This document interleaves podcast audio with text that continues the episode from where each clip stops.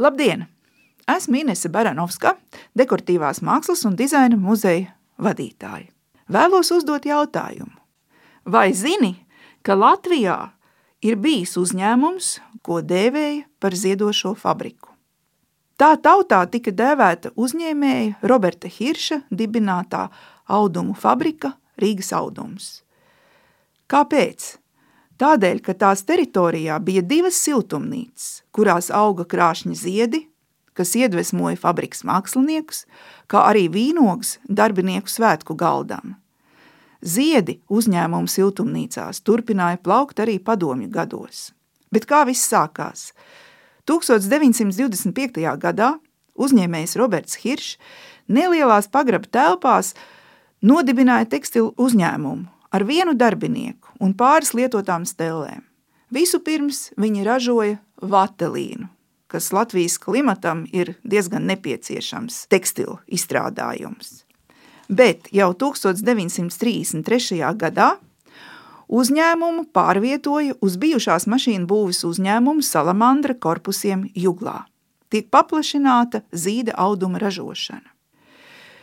Fabrikas speciālists dodās uz Parīzi, pētīt jaunākos modes noteikumus. Un 1934. gadā firma tiek pārveidota par akciju sabiedrību ar nosaukumu Tirzniecības rūpniecības akciju sabiedrība Rīgas audums ar pamatkapitālu 2 miljoni 250 tūkstoši latu, kas bija milzīga summa tiem laikiem. Lielā tekstilu rūpnīca ražoja mākslīgā un dabiskā zīda audumus, puszīda audumus un, protams, arī vatelīnu.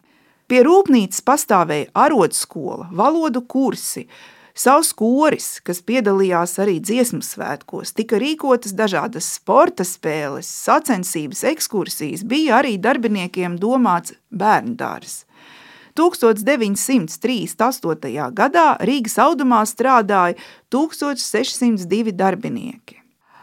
Rīgas audums aizņem vairākus fabrikas korpusus un ir viens no lielākajiem nacionālajiem uzņēmumiem toreizējā Latvijā.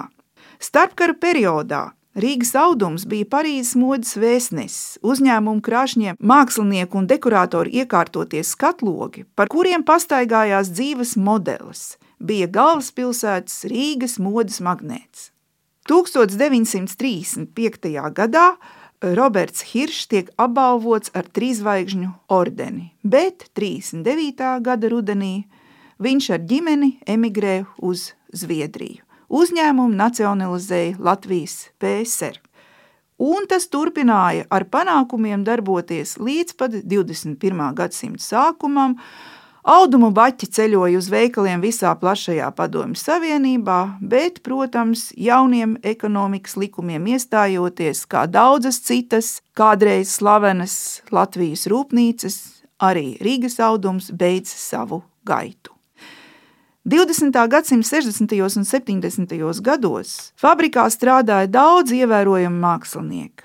Gan slavenais Francijas mīļotājs, glaznotājs Rudolfs Pinnis, 50. gados, 60. gados Erika Iltner, Ilona Ceipe, Aina Mūze, Ilma Austriņa, Ieva Zaļkāne, Ruta Bogusto, Maija Kajaka un visu mākslas nodaļu vadīja tekstilu māksliniece Jevģēnija Knāviņa.